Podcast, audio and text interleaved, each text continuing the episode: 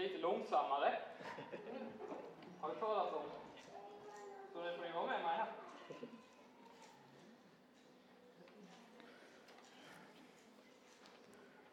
Hör ni mig nu? Ja. Hörni, gott att få, eh, få fira gudstjänst tillsammans.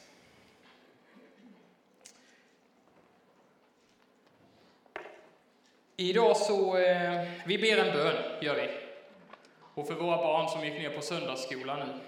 Fader i himlen, tack för att vi alla får tillhöra dig och vara dina barn, del av din familj, Gud. Herre, tack för barnen som vi just skickat ner på söndagsskola, Herre. Tack för att du är också där, Herre, och kommer möta dem. Jag ber välsigna alla barn i vår gemenskap, Herre. Du ser, Gud, att de är framtiden, Herre, och du vet vilken värld de kommer växa upp i, Jesus. Herre, var med dem, Fader i himmelen. Beskydda dem, bevara dem, Herre, och möt dem, Jesus, där de är idag.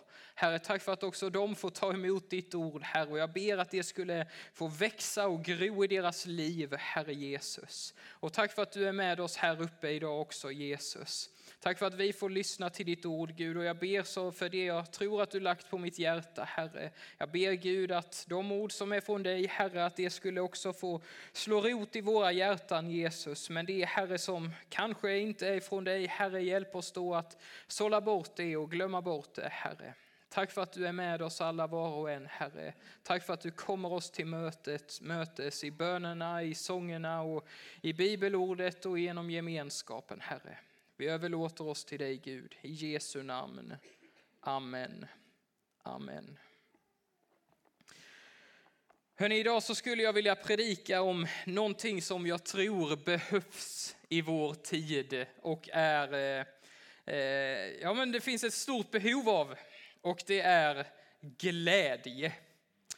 Glädje är ju en av andens frukter, eller hur? Kommer ni ihåg vilken i ordningen? Jag vet inte om det spelar någon roll egentligen, men eh, vet ni vilken som är först? Kärlek. Vet ni vilken som är två? Glädje.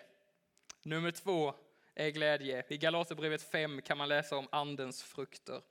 Och glädje är ett återkommande tema i eh, bibeltexterna. Gång på gång, både i gamla testamentet och i nya testamentet, så uppmanas vi att glädja oss. Och glädje är någonting då som jag tror, i alla fall jag, är i desperat behov av i vår tid. Många människor tror jag längtar efter att få uppleva det. Och bibelordet som jag vill utgå ifrån är de välkända verserna i Filipperbrevet 4 och 4 när, man tal, när vi brukar tala om glädje. Paulus, som har skrivit Filipperbrevet, han skriver så här. Gläd er alltid i Herren. Än en gång säger jag, gläd er. Låt alla människor se hur vänliga ni är. Herren är nära. Bekymra er inte för något, utan låt Gud få veta alla era önskningar genom bön och åkallan med tacksägelse. Då ska Guds frid, som övergår allt förstånd, bevara era hjärtan och era tankar i Kristus Jesus. Amen. Och jag vet inte vad du tänker på när du tänker på de här orden. Jag tänker framförallt där då kanske första två meningarna där. Ofta när jag har läst detta så är det första jag har tänkt på de där jobbiga människorna ni vet. De som alltid är glada av någon anledning. Och som man, om man, oavsett när man frågar dem, oavsett vad man, liksom när och så vidare, så är allting hela tiden så himla bra. Har ni stött på de människorna någon gång? Det finns inga problem liksom. Ah, man. Och eh, man får nästan en känsla av, ibland, hos vissa, att det ibland kanske är en påklistrad glädje. Och ibland så är det så att vi har lärt ut som kyrka att om jag bara säger att det är bra och har en positiv attityd så kommer jag känna och uppleva glädje och bli, var liksom, bli glad. Och eh, det är till viss del sant, för forskning visar faktiskt att de människor som har en positiv attityd till livet och är tacksamma, att de faktiskt mår generellt bättre. Så det finns en god och en bra anledning att faktiskt ha en positiv attityd och vara tacksam för att vi mår bättre. Men när Paulus skriver de här orden så undrar jag ändå om det är det han faktiskt menar när han säger glädjer. Är det liksom ett positivt eh, tänkande han talar om? En glad attityd? Är det, Paulus, är det det Paulus menar när han uppmanar oss att vara glada? Jag tror faktiskt inte det är det han menar, utan jag tror det finns någonting djupare här när man skrapar på ytan. En annan typ av glädje än bara en positiv attityd. Och vi kan ju hänga vår glädje på olika saker, eller hur? Vi kan, vi kan vara glada över att olika saker händer. Idag när vi eh, hoppade i och skulle, gick ut framför dörren och skulle gå hit så var det, fanta det fantastiskt väder ute. Och det är jag glad över och blir glad av. Ehm, eller vi kan säga att eh, igår förlorade Sverige mot Serbien. Det var inte, det var inte så glad över. Eh, men eh, ni vet, vi kan vara glada över olika saker. Och om källan för min glädje är mig själv, hur jag mår i mitt inre, vad händer då den dagen när Sverige förlorar 4-1 eh, mot Serbien? Då är jag ju inte längre glad. Det är ju en trivial sak alltså. Men vad händer den dagen då jag faktiskt börjar må dåligt? Vad händer med min glädje då? När jag på min insida börjar må annat än glad? Ska jag fortsätta att ändå på något sätt trycka fram och vara glad då? Är det så vi ska liksom tolka Paulus? För det finns sammanhang som menar att vi ska det.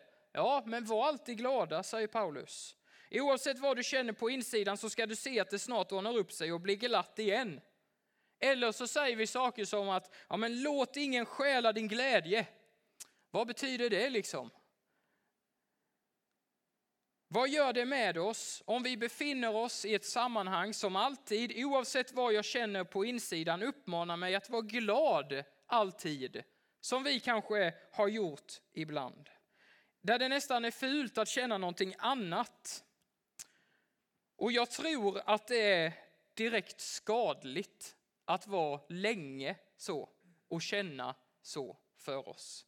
Där vi försöker liksom trycka fram någon glädje fast vi inte känner så på insidan. Alltså vi kan inte hänga upp vår glädje på vårt eget inre, på oss själva. För då kan den försvinna.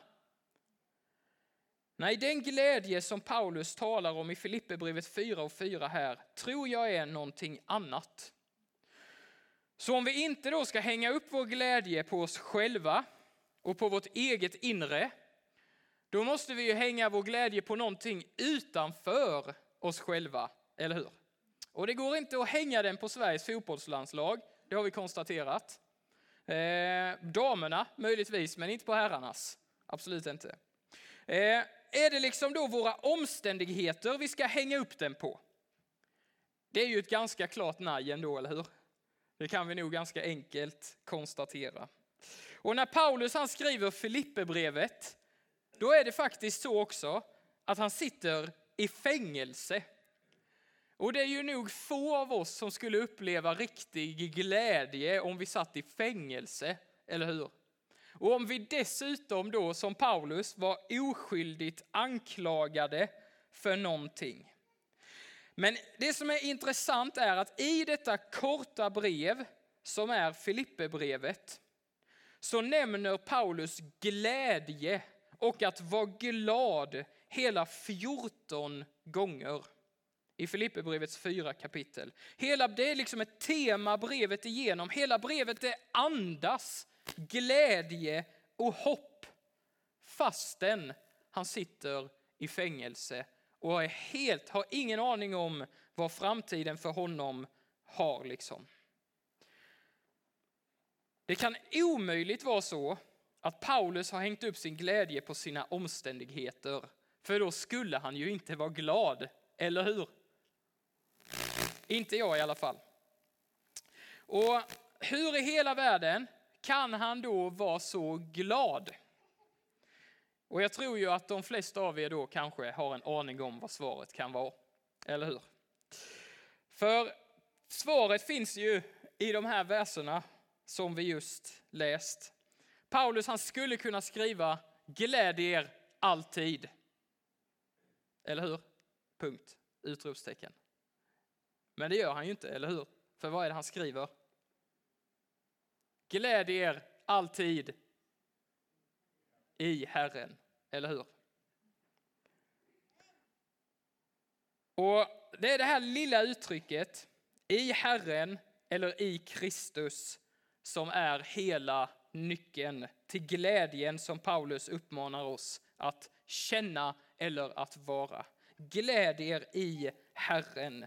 I Kristus, skriver Paulus på många andra ställen. Och det är ett av Paulus favorituttryck. Han använder liksom det i alla sina brev och han använder det ofta. Så vad är det då Paulus hänger upp sin glädje på?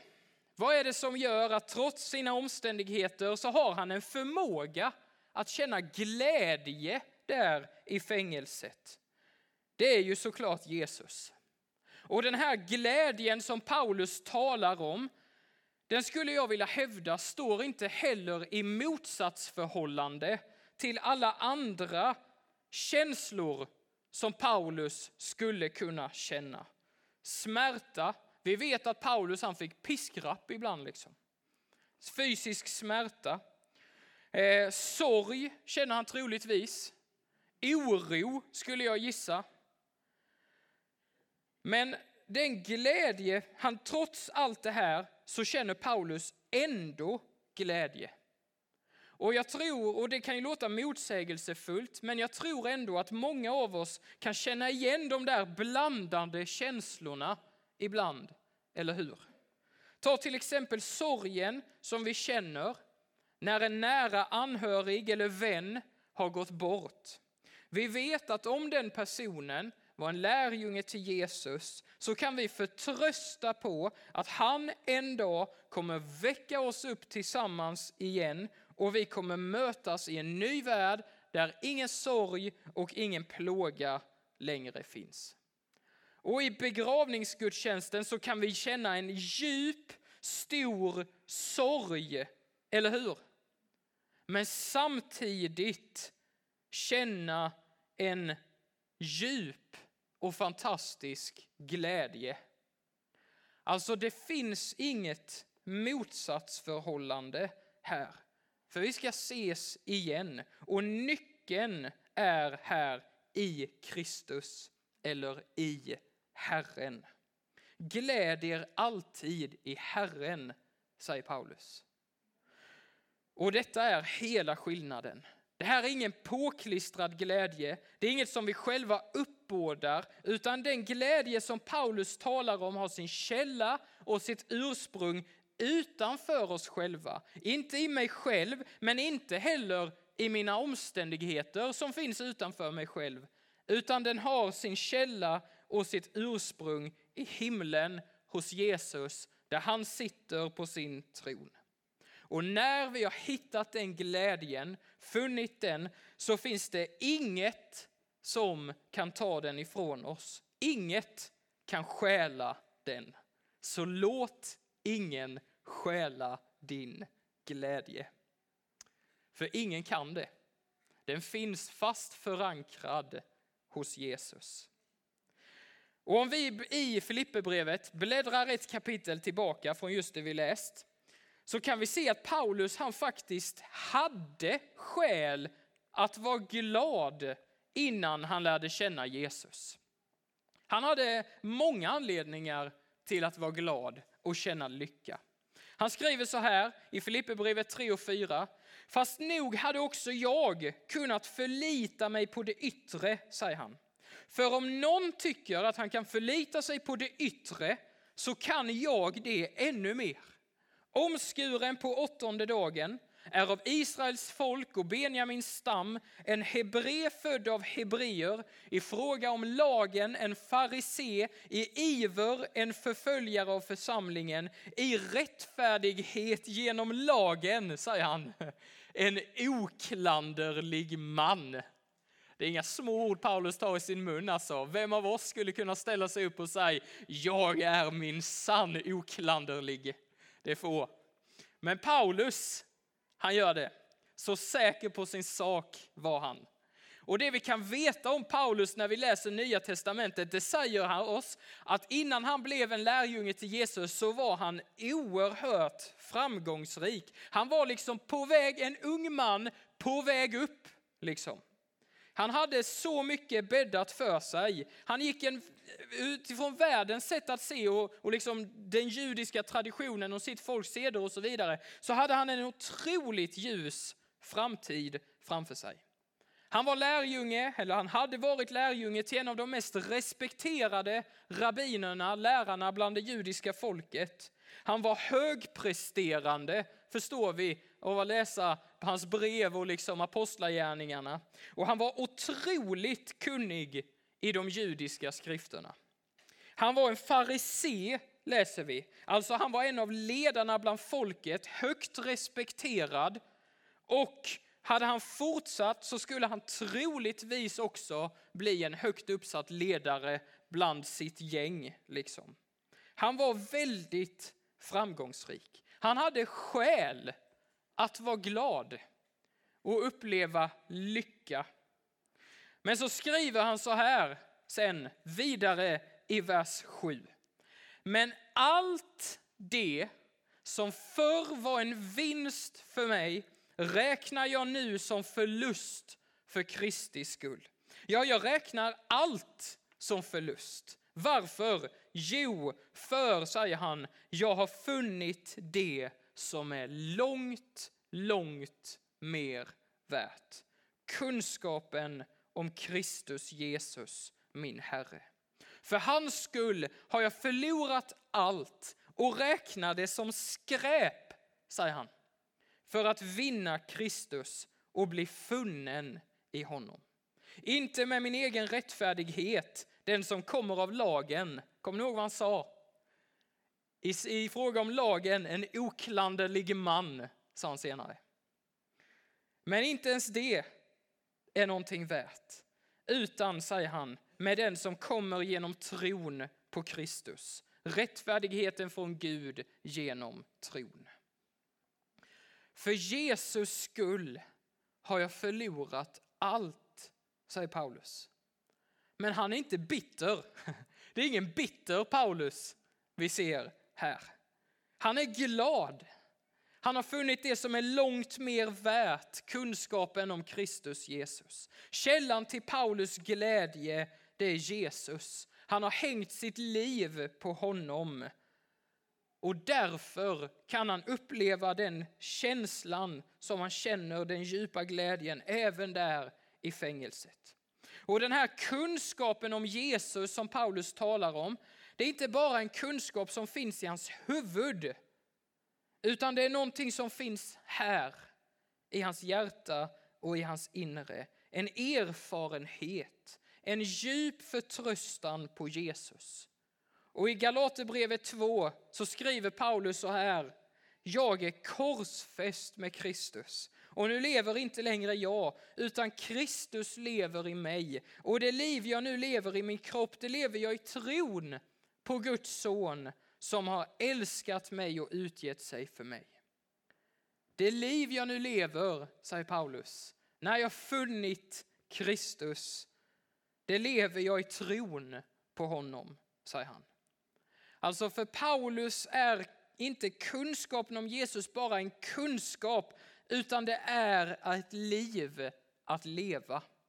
Paulus han har anammat Jesu livsstil och det har gett ett liv, hans liv ett helt annat fokus, en annan källa, en ny grund. Det livet har skänkt honom glädje som gör att allt annat runt omkring bleknar. Men hur får vi då tag på den glädjen som Paulus talar om i Filipperbrevet som faktiskt då verkar vara en övernaturlig glädje. En glädje sänd från himmelen in i våra liv. Jo, Jesus har såklart svaret. Brita hon läste Matteus 11 och 28 och det har jag förberett för den här stunden också. Berita sa att idag så är evangelietexten, det är därifrån. Temat är ett är nödvändigt. Och det står så här, vi läser det en gång till. Jesus han säger, kom till mig alla ni som arbetar och är tyngda av bördor, så ska jag ge er vila. Ta på er mitt ok och lär av mig, för jag är mild och ödmjuk i hjärtat. Då ska ni finna ro för era själar. Då ska ni finna glädjen, för mitt ok är milt och min börda är lätt, säger Jesus. Nyckeln till den övernaturliga glädjen som Paulus talar om finns under Jesus ok. Under hans inflytande, under hans livsstil, under hans vägledning. Nyckeln till glädjen finns i Kristus. I Kristus. Och en teolog kommenterar Jesu ord i Matteusevangeliet så här. En realistisk livsförståelse medger att livet är en ständig serie av bördor. Kul! Men om vi ska vara realistiska så är det lite så livet är. En ständig serie av bördor. Vi kan inte komma ifrån dem. Vi kan inte komma ifrån dem. Så istället för att erbjuda flykt erbjuder Jesus utrustning. Jesus menar att lydnad till hans undervisning, hans ok, kommer att utveckla en balans i oss och ett sätt och en väg att bära livet på som ger mer vila än det sätt vi tidigare levde på. Jesus erbjuder oss inte en flykt från livets bekymmer och oro men han erbjuder oss en utrustning att klara av dem. Ett ok att bära. Att övervinna dem. Att känna glädje och frid mitt i dem. Nyckeln är att leva sitt liv i Jesu efterföljd, säger han. Att lära av hans undervisning och sen efter bästa förmåga leva ut den och göra det i relation med honom. För det vi tror faktiskt är ju att Jesus lever, eller hur? Det är det vi bekänner varje söndag när vi möts och samlas. Vi är uppståndelsens folk. Jesus lever. Han lever idag. Och du och jag kan kommunicera med honom genom bön. Det är det vi tror. Det är det vi bekänner. Det är liksom det vi någonstans bygger hela vår gemenskap och vår tillvaro som, som kristna och lärjungar. Det är inte bara en fin tanke, det är på riktigt. Och där, i relation med honom, kan vi få uppleva hans milda ok och mitt i oro känna glädje och frid. Och att uppleva den relationen till Jesus, eller för att uppleva den relationen till Jesus så finns det ingen annan väg att gå än att gå bönens väg. Det är genom bönen att umgås med Jesus som vi tar på hans ok. Genom att leva tillsammans med bönen och bibelordet så tar vi på hans ok. För det är där i det som vi möter Jesus. Han finns där. Och i vår tid som är så full av oro så tror jag, att, eller känner jag i alla fall, att vi är i desperat behov av denna glädjen som Paulus talar om. Du kan få uppleva en glädje som inte är av denna världen, som inte hänger på dig själv, på vad du presterar, som inte hänger på dina omständigheter, på hur det ser ut runt omkring, utan som hänger på Jesus och vad han redan har gjort för dig. Gläd dig i Herren. Gläd dig i Herren. Och om du vill uppleva den här glädjen så börja med bönen och bibelordet. Börja där. Läs om Jesus i Nya Testamentet, börja i evangelierna, be till Jesus. Börja dagen med att säga Jesus idag så vill jag att du hjälper mig att ta på mig mitt, ditt ok. Ta på mig ditt ok. Börja där. Ta sen kontakt med någon som du har förtroende för, här i kyrkan eller någon annanstans. Och säg, ska vi inte försöka bära Jesu ok tillsammans? För det är det vi gör när vi möts, eller hur? När vi samlas, oavsett om det är så här till gudstjänst, om det är till bön eller till, i våra hemgrupper eller vad som, så är det vi, Guds folk, som tillsammans försöker bära Jesu ok. Låt oss be ihop. Låt oss läsa Bibeln ihop. Och om du är nyfiken och skulle vilja upptäcka Jesus livsförvandlande budskap så kom och prata med mig eller någon annan här i församlingen som du har förtroende för. Så vill vi vägleda dig och hjälpa dig att upptäcka Jesus fantastiska väg som han har för dig. Låt Gud få veta alla era önskningar genom bön och åkallan med tacksägelse. Då ska Guds frid som övergår allt förstånd bevara era tankar och era hjärtan i Kristus Jesus. Så låt oss söka glädjen som finns hos Jesus. Jag har funnit det som är långt mer värt, säger Paulus, kunskapen om Herren Jesus Kristus. Den är för dig och mig och oss att finna i denna tiden. Så låt den ge oss hopp och tro för framtiden och låt den få bli en kraft i oss till uppmuntran och glädje för andra människor. För vi behöver glädja oss i denna tiden. Även om det ser mörkt ut på många håll och på många fronter så finns det en glädje som ingen kan ta ifrån oss som ingen kan stjäla. Och den finns hos Jesus. I honom, fast förvarad och förankrad. Låt oss söka den. Låt oss alltid glädja oss i Herren. Hörni, vi ska be och vi kan väl stå upp tillsammans. Vi har suttit ner en stund. Och så ska vi be. Och jag tänker att vi kan väl göra så här idag. I respekt för varandra så böjer vi våra huvuden och blundar. Och så kanske finns du här som känner att jag är i stort behov av glädje just nu alltså. Så medan vi alla blundar, så bara i, i, respons på det som sagts här, eller respons på, på det som du upplever på din insida, men jag skulle, behöva, jag skulle behöva uppleva glädje, så kan du bara höja din hand nu när ingen ser. Det är bara jag som ser, så vill jag bara välsigna dig. Gud välsigne dig. Gud välsigne dig och dig och dig och dig och dig. Gud välsigne dig. Gud välsigne dig.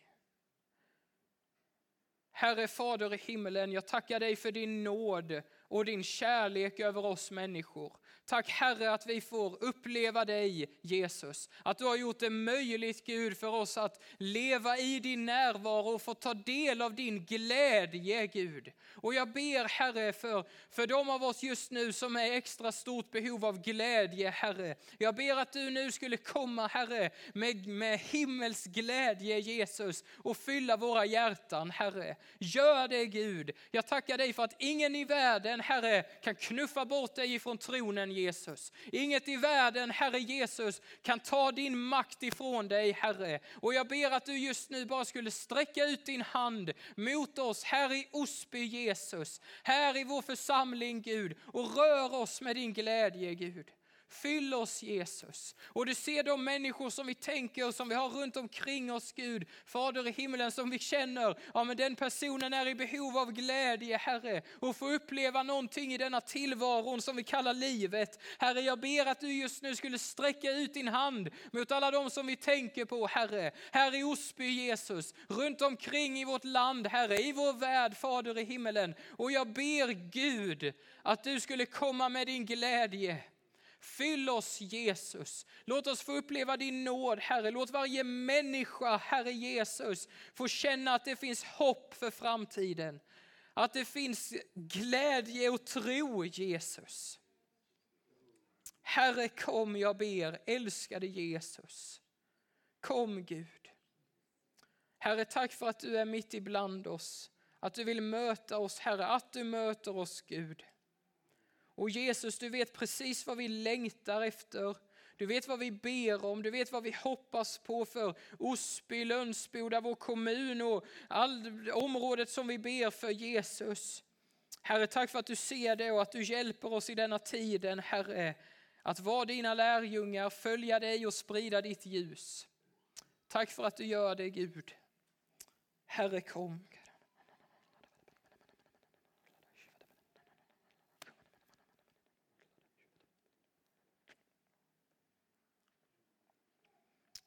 Och jag upplever det som om att du kanske finns här eller som sitter hemma och tittar och lyssnar. Att du känner att ah, men det där gäller inte mig. Jag är inte kvalificerad, jag har gjort så mycket som inte stämmer och som gör att jag inte är värd den där glädjen. Men vet då att den hänger inte på dig. Därför att det finns ett kors som är tomt. Därför att Jesus gav sitt liv för dig och hans blod är nog för dig. Oavsett vad du har gjort, oavsett vad du inte har gjort, så är det nog. Och han har kraft och förmåga att förlåta dig och skölja bort, tvätta bort din synd eller den skam som du just nu upplever. Och han vill fylla ditt liv med glädje. Herre, jag ber för den personen, om det finns någon som upplever detta just nu, Herre, och att du på ett särskilt och speciellt sätt skulle röra den personen. Herre, jag tackar dig för att i ditt blod och när vi tror och bekänner, Herre Jesus, så är alla synder förlåtna. All skam tas ifrån oss och du upprättar oss, Jesus. Du botar oss och du helar oss, Herre. Och jag ber att du skulle fylla den personen med glädje just nu, Jesus. Ske din vilja, kom med ditt rike, Herre. Vi älskar dig och vi överlåter oss till dig, Gud. I Jesu namn. Amen. Amen. Amen.